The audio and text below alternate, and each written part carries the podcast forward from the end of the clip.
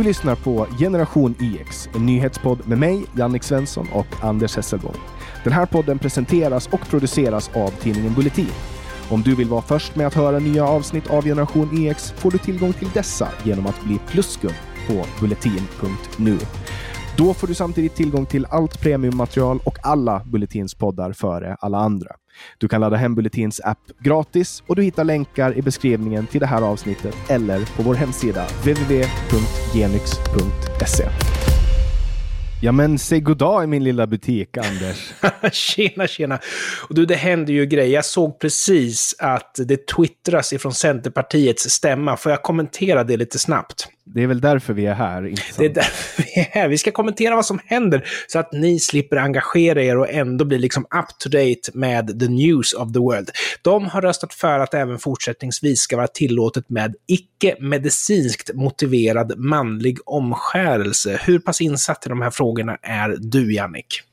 Ja, man kan väl säga att min, mitt, när jag äntrade den svenska eh, offentliga scenen, det var när jag var med i podcasten Dekonstruktiv kritik med Aron Flam. Bra. Och före den intervjun så hade Aron en 40 minuter lång monolog om manlig omskärelse. Han älskar manlig omskärelse, är det inte så? På den vägen så vet jag faktiskt en hel del om för och motargumenten. Aron Flam är ju en av de mest, eh, alltså, vad ska man säga, prominenta försvararna av man, manlig omskärelse, men jag tycker ändå han har fel. Och jag har ju hört argument i stil med att judendomen kommer att utrotas om det är så att vi inte tillåter eh, religiöst motiverad manlig omskärelse. Men faktum är den att inom judendomen är manlig omskärelse inte speciellt populärt. Och dessutom, när det sker så sker det på spädbarn. Och det här är lite grann en viktig komponent i min poäng. När det gäller islam så är omskärelse fortfarande väldigt populärt och där sker det ofta på äldre eh, barn. Jag skulle säga som så här jag som ändå är engagerad i humanisterna, för oss är det här en viktig fråga. Om det är så att jag slår ner någon på stan, släpar hem honom till mitt kök och skär av honom förhuden. Så jag har ju ändå gett mig på en person som har en rimlig chans att försvara sig. Men det här handlar ju alltså om barn där huvudmannen till barnet agerar mot en person som inte kan försvara sig själv. Det är bara att gilla läget eller att fly. Jag ska säga i Afghanistan så har de ju haft, eh, alltså det är ju många som använder det som argument för att få asyl i Sverige. Det är att, ja, min familj ville omskära mig när jag var 14 år liksom. Och det är mycket islamsk kultur där. Men det är någonting med Centern och minderårigas könsorgan, är det inte det? Så kan det vara. Jag tänker ju också att det nu i dagarna har firats, jag vet inte om man säger Sukkot eller Shukot eller hur man uttalar det, men det är alltså lövhyddohögtiden och det är ja. en judisk högtid som har infallit nu den här veckan. Tror ja. att det kan vara så att man kanske flörtar lite med den judiska delen av Sverige? Ja, så kan det vara. Men jag vill absolut slå ett slag för att judendomen är djupare än förhuden alltså det finns annat i den kulturen som betyder så oerhört mycket mer än snoppbondingen som sker. Att ja, men du är inte omskuren så du är inte något av oss. Tror inte de så ofta drar fram sina snoppar och kollar om man ska vara helt ärlig. Mm. Ja, någon som inte har dragit fram snoppen när det kommer till att lösa elkrisen, det är Socialdemokraterna och Miljöpartiet som pratar om det här med att det är jätteviktigt med förnybar energi. Men oh, ändå ja. så bränner oljeverket i Karlshamn 140 000 liter i timmen när det är i full gång. Jag är förvånad över att det där är så svårt att förklara för folk. Jag har eh, haft ganska långa diskussioner på Twitter, vilket är sorgligt, eh, därför att jag inte ens är intresserad av frågan. Vi bränner ju olja även när vi har kärnkraft. Ja, men som reserv. Därför att även om kärnkraft är en väldigt pålitlig källa så måste man ha reservkraft. Det som har hänt nu när vi har färre reaktorer igång, det är ju att vi har större behov av att kunna elda den här reservkraften. Alltså, jag är väldigt frustrerad. Jag har ingenting emot eh, vindkraft. Visst, det är inte jättebra för miljön och visst, det har högre koldioxidutsläpp per kilowattimme än kärnkraften. Men fine, jag menar utvecklingen går framåt. Vi kommer säkert hitta insekts och fågelsäkra vindkraftverk. Solkraft, alldeles utmärkt. De är inte jättebra idag, men utvecklingen måste få fortgå. Men vi har ju haft ett tankeförbud när det gäller kärnkraft. Jag menar, den utvecklingen har ju gått framåt i andra länder. I, i England så har man kommit betydligt längre än i Sverige när det gäller kärnkraftsutvecklingen. Ja, i Sverige har man stängt ner 6 av 12 kärnkraftsreaktorer och det finns ingen plan på att man ska få börja bygga dem igen. Alltså angående det här oljekraftverket då som ligger och bränner på nu så menar ju då Anders Ygeman som är energiminister eh, att det är de höga elpriserna som gjort att det är lönsamt att producera el. Men han påstår också att kärnkraften är dyr. Mm. Anledningen att kärnkraften är dyr är ju på ja. grund av att man har förbjudit den. Så här säger han. Det har varit möjligt att bygga ny kärnkraft i Sverige i 11 år. Skälet till att det inte byggs är att det är dyrare med ny kärnkraftsel än med andra energikällor. Det står mm. exempel mm. Uniper fritt att bygga nya kärnkraftverk, säger Ygeman till Aftonbladet. Och grejen med det här är också att de har ju gjort det dyrt att bygga kärnkraftverk. De har gjort det osäkert. Ja. De har gjort marknaden osäker. De ja, subventionerar så... inte. Eh, kärnkraft är bra oljekraft är dålig. Varför kan de inte bara ge sig? Vad är det för fel på sossar och miljöpartister? Anledningen till att det är dyrt att köra bil är att det finns straffskatt på bensin. Anledningen till att det är dyrt att röka är att det finns straffskatt på nikotin. Anledningen till att det är dyrt med kärnkraft är för att staten har infört straffskatt på kärnkraft. Därför att man ville styra, alltså om det är så att vi backar när det gäller straffbeskattning så är det inte så fasligt dyrt. Men framförallt ska man komma ihåg att sjukvård är ju ännu dyrare. Men det är ju det att det kan ju vara så att du levererar andra värden än pengar. Mm. Alltså, vänstern är väldigt pengasavvy här. Att är det så att någonting inte är lönsamt, då ska vi inte ha det. Men jag skulle säga att sjukvård är ju bra för att det levererar sjukvård. Kärnkraft är bra för att det levererar miljövänlig el. Mm. Ja, någonting som är väldigt dåligt för den svenska ekonomin, det är att satsa på valfläsk istället då för att uh, till exempel lägga pengar på den skenande kriminaliteten. Regeringen vill införa en familjevecka. Uh, det, det, här då enligt socialförsäkringsminister Ardalan Shekarabi som mm. tycker att de här familjerna ska få vara ledig hemma tre dagar och vara med barnen. Och Det här är ju någonting som då kostar 3,5 miljarder per år. Ja, men eh, alltså kostnaderna sticker ju iväg när man räknar på BNP-bortfallet. Så räkna med 50-60 miljarder per år. Men Ja, ja, men, men det här är alltså, vad håller de på med? Nu sitter ju de och lägger budgetar som de vet att inte kommer att gå igenom, bara för att försöka köpa röster. Det här är katastrofalt. Och det är lite konstigt också, för jag vill ju ingenting hellre än att få betalt utan att jobba. Och hur kommer det sig då att, om det nu är så att vi har de här fina möjligheterna att införa ledig och få betalt utan att jobba, varför drar man gränsen för de som har barn? Jag menar, jag vill också klara mig utan att jobba. Jag har massor som jag vill få ut av livet, men jag kan inte få det för jag måste jobba. Men det är väl klart, någon måste ju finansiera kalaset. Och jag, jag tycker, om jag ska vara helt ärlig, att det är lite orättvist. Jag känner att jag har stoppat in väldigt mycket i systemet för att mina barn... Alltså jag startar med två tomma händer, jag har inga rika föräldrar. Jag stoppar in väldigt mycket i systemet för att mina barn ska liksom få en värdig uppväxt när det gäller pengar. Men jag har liksom försakat min egen möjlighet att förverkliga mina egna drömmar. Och nu ska jag göra det här en gång till för småbarnsföräldrarna mm, jag gillar tanken på att om nu ändå landet ska dö liksom, när det gäller finansiell internationell konkurrens, så ska man ha kul under tiden. Men jag skulle vilja ha del av det. Mm. Ja, eh, jag förstår din känsla kring det här. Och, alltså politiker, det, finns, det fanns en åländsk politiker som heter Danne Sundman. Han var en av de, eh, mina mentorer helt enkelt, även om vi var i olika partier. Och han sa att folk blir kolliga inför val. Eh, mm. Alltså folk blir lite knäppa, lite konstiga och det här börjar märkas nu och idag, mina kära lyssnare, så ska vi få lyssna på lite klipp. Vi ska oh. få lyssna på när Ebba Busch pratar med Märta Stenevi. Det kommer här. Jag skulle gärna ha en saklig debatt om det här, men jag kan inte låta det gå förbi. Som kristdemokrat, som tillhörandes den, den största politiska idétraditionen i Europa, systerpartiet till Angela Merkel. Kalla mig inte blå, blåbrun. Jag är kristdemokrat. Jag vet var vi står någonstans värderingsmässigt. Jag vet vilka förhandlingsrum jag är beredd att kliva in i och vilka förhandlingsrum jag också kommer att kliva ut ur. Ta inte lätt på frågan om brunsmetning, vem man låter ge en nazianstrykning eller en rasistanstrykning. Det är inte jag som har drivit en politik som inneburit att människor som egentligen inte har asylskäl, skyddsskäl, har fått lov att stanna i Sverige medan andra har fått lov att utvisas eller aldrig har fått chansen att söka asyl i Sverige till exempel. Jag vet vart våra värderingar går någonstans. Ta debatten, klimat och miljödebatten, mer seriöst än att komma med sådana svepande anklagelser.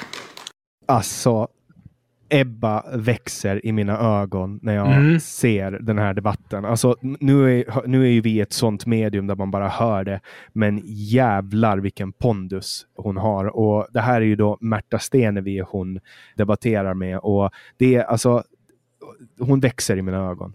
Nej, men alltså, jag tycker att det här illustrerar styrkan av kognitiv dissonans. Därför att alla vet ju att Ebba Busch är ondskefull, hon tillhör fienden, hon är hemsk. Alla vet att Märta Stenevi är god och eh, hon vill rädda planeten och alltihopa vad det är. Men när man lyssnar på hur de pratar, det råder ju inga som helst tvivel om att Märta Stenevi är galen och att Ebba Busch har en viss heder. Alltså hon försöker ju stå upp för sina värderingar och accepterar inte att de avfärdas genom brunsmetning. Mm. Och det här visar ju också att den arsenal som man har använt nu de senaste tio åren, den funkar inte längre. Folk Nej, alltså, köper inte här längre. Det funkar jag inte. tror att det funkar för tillräckligt många och jag tror därför att Eh, Miljöpartiet kommer att vara kvar i riksdagen även e-, efter nästa val. Men det råder ju inga tvivel om att de är galna. Det, och jag menar, Märta Stenevi, det bästa som kan hända för valrörelsen det är att eh, Per Bolund inte har tid att ta en debatt och därför skickar de Märta Stenevi istället.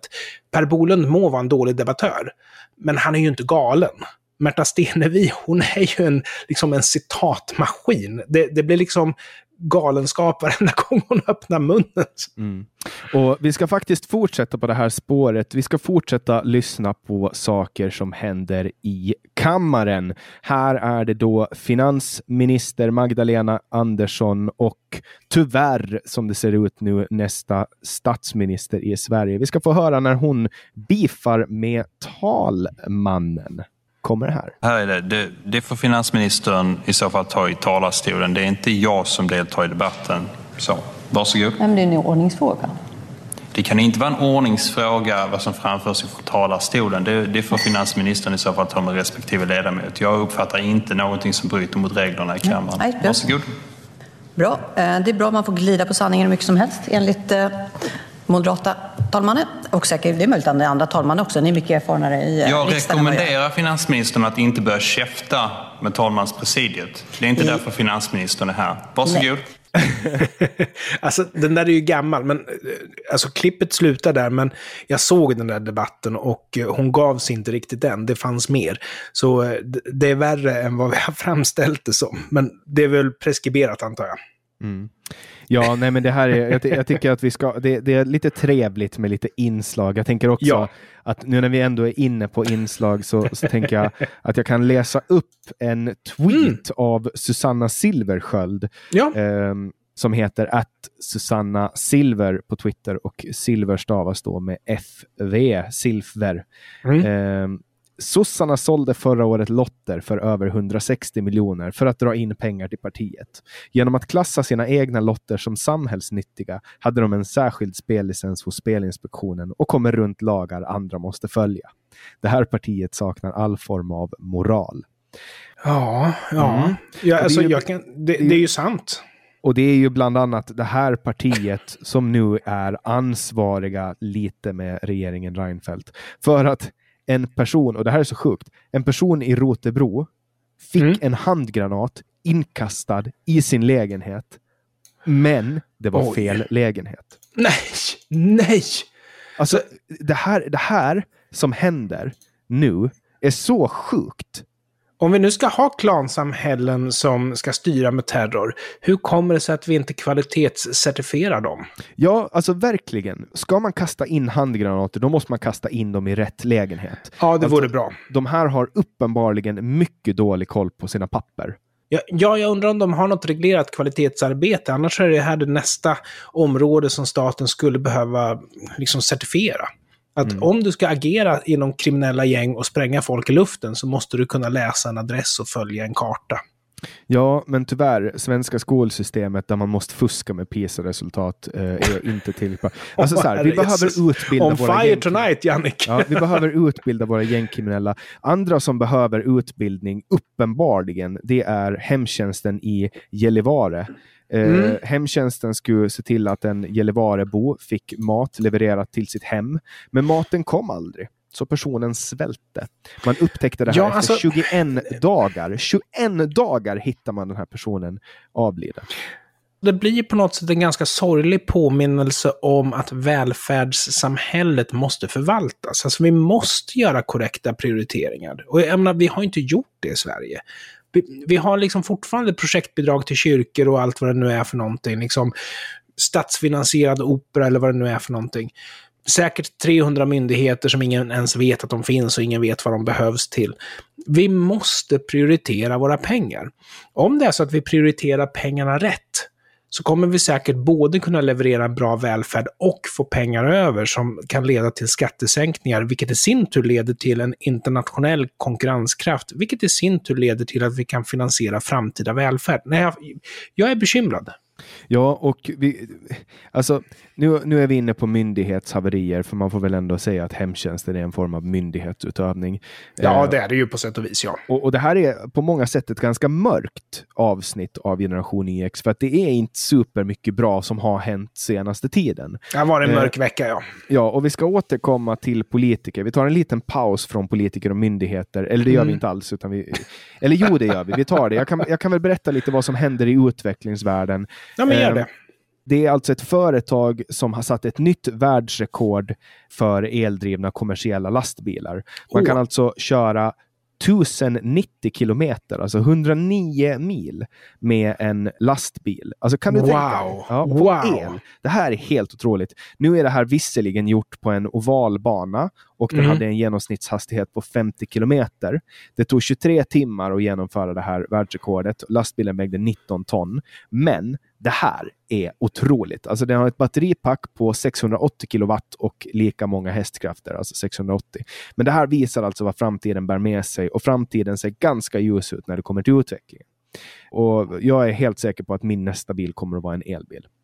Okej, Okej, jag är inte så säker, men jag följer den här utvecklingen med stort intresse. Det, det jag möjligtvis saknar, det är elstolpar på landsbygden. Och jag har ju bekanta som kör el trots att de jobbpendlar. Och det är lite grann så här, i värsta fall så har jag en bekant som säger att ja, men om det inte regnar så går det bra. Men om det regnar och jag måste använda vindrutetorkarna, ja då får jag ju stanna utanför stan och gå sista biten. Liksom. Men jag, jag vill ju så gärna att det här ska bli bra. Men framförallt så skulle jag säga att det är ju miljövänliga batterier. Det är en viktig grej. Så elstolpar är all ära, men miljövänliga batterier, det är ju nästa steg jag skulle vilja se att man forskar på. Alltså. Mm. Och eh, nästa steg man borde forska på det är väl kanske hur man får Stefan Löfven nöjd. Han ska Jaha. då avgå och han har fått lite presenter. Det hör till då att man ger en avgående statsminister presenter tydligen. Nu är det första gången en statsminister ger upp posten på det sättet som, som eh, Stefan Löfven. Men jag tänkte att jag tänkte berätta lite Mm. vad han fick i presenter. Han fick då av Annie Lööf ett Ja. pizzastål, alltså en sån pizza, alltså man lägger pizza på den helt enkelt. Ja, just det, för att det ska vara riktigt, riktigt varmt. Ehm, Jag har faktiskt själv en pizzasten. Och det, det funkar som så att man stoppar in pizzastenen i ugnen och sen när den är riktigt, riktigt varm, då lägger man pizzadegen på där så blir det frasigt och gott. Ja, men det var väl snällt av Annie Ja, men det här gjorde hon då, man vill ju gärna ha en tanke med det. Och jag, Ja, ja. jag tänkte också dela med mig lite av mina tankar kring, alltså hennes tanke var att, eh, att han då brukar köpa halvgräddade pizzor som han bakar klart hemma. Aha, mm. Eh, Jimmy Åkesson gav Löfven en bok om en korv. Eller Bra. om korvar. Och Han gillar ju korv. Ja, ja, men jag undrar vad lite, lite budskap är där. Det är alltså en mycket kryddstark korv. Och Mm. det man brukar säga, en bra chili bränner två gånger. Vet du, var, vet du vad man menar med det? Ja, i röven. Ja, exakt. Det, jag tror att han vill att det ska bränna i Stefan Löfvens röv när han sitter på toaletten och skiter. Ja, men Jimmy Åkesson är lite rolig på det sättet. Förstod Stefan Löfven det här, tror du, eller? Jag vet inte, men han svarar i alla fall, om den här korven är för stark för Åkesson ska jag banne mig äta den. Ja. Eh, Han fick av Liberalerna, som snart åker ut ur riksdagen, böcker och en gasbrännare så att han skulle kunna göra crème brûlée. Det var, ganska, det var faktiskt ganska tråkigt, men jag fattar, de har Ja. inte så mycket i kassan, de är på väg ut. Ja. Eh, Moderaterna gav biljetter till Stefan Löfven och hans fru Ulla till ABBA The Voyage. De gillar inte Stefan Löfven. De vill att, ja men då kan du sitta och plågas i två timmar och lyssna på glad pop. Ja, Jag vet inte, jag tycker, att, jag tycker att det kan vara ganska coolt att se ABBA. Jag tycker att du är lite väl hård nu. Nej, men sluta. Det är ju inte kultur, det är ju skräp. Ja, det får vi ta en annan gång. Ulf Kristersson, nej förlåt, lite flera presenter då. Han fick av eh, Miljöpartiets robot Märta Stenevi ett Interrail-kort Ja. eh, så att han ska kunna åka tåg. En liten Eh. påminnelse om varför cement behövs för att man ska kunna åka tåg. Ja, exakt. Precis så. Eh, av eh, Vänsterpartiet fick han en bok, låt mig gissa, kanske det var det kommunistiska manifestet av Marx och Engels. Och av KDs ledare Ebba Busch så fick han en middag på en restaurang. Eh, vilket också var lite grått kanske. Någon som Mm. har fått en riktig överraskning, det är arga snickaren eller Anders Övergård som just det. Som då ska, ska spela in ett av, eller vad säger jag, han, som då ska spela in eller ha spelat in en produktion som heter Sveriges värsta bilförare samt Anders och våldet. Ja, Mm. Och vad har han gjort då? Jo, han har brottat ner en kvinna som försökte hindra honom från att köra rattfull. alltså... Alltså i- tänk vilket Ja. dubbelbottnat jävla haveri.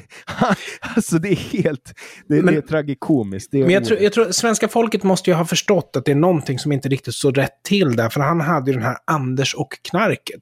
Där han satt och skällde ut en liksom, ung rappare för att han sjöng om droger. Åh, droger är skitfarligt. Och jag har ju då en serie som heter Anders och knarket. Och där har vi kommit på att droger är skitfarligt. Det- Liksom, det finns till och med en låt av Tonsatt. Ja, det det är någonting som är väldigt skumt här. Och då har de ju då på TV4 förinspelade avsnitt. Han kör bland annat den här Sveriges sämsta bilförare, han kör Robinson, han kör Anders och våldet och sådär. Och det som hände på den här personalfesten på TV4, det var att han och en kompis söp sig full. Och sen skulle de köra på sin fyrhjuling hem och då var det en eh, kollega till honom, en kvinnlig, som ville stoppa honom och blev då nedbrottad i princip då. Och nu sitter man och tittar på Anders och våldet, där man får se hur han säger det är ju skitdåligt med våld.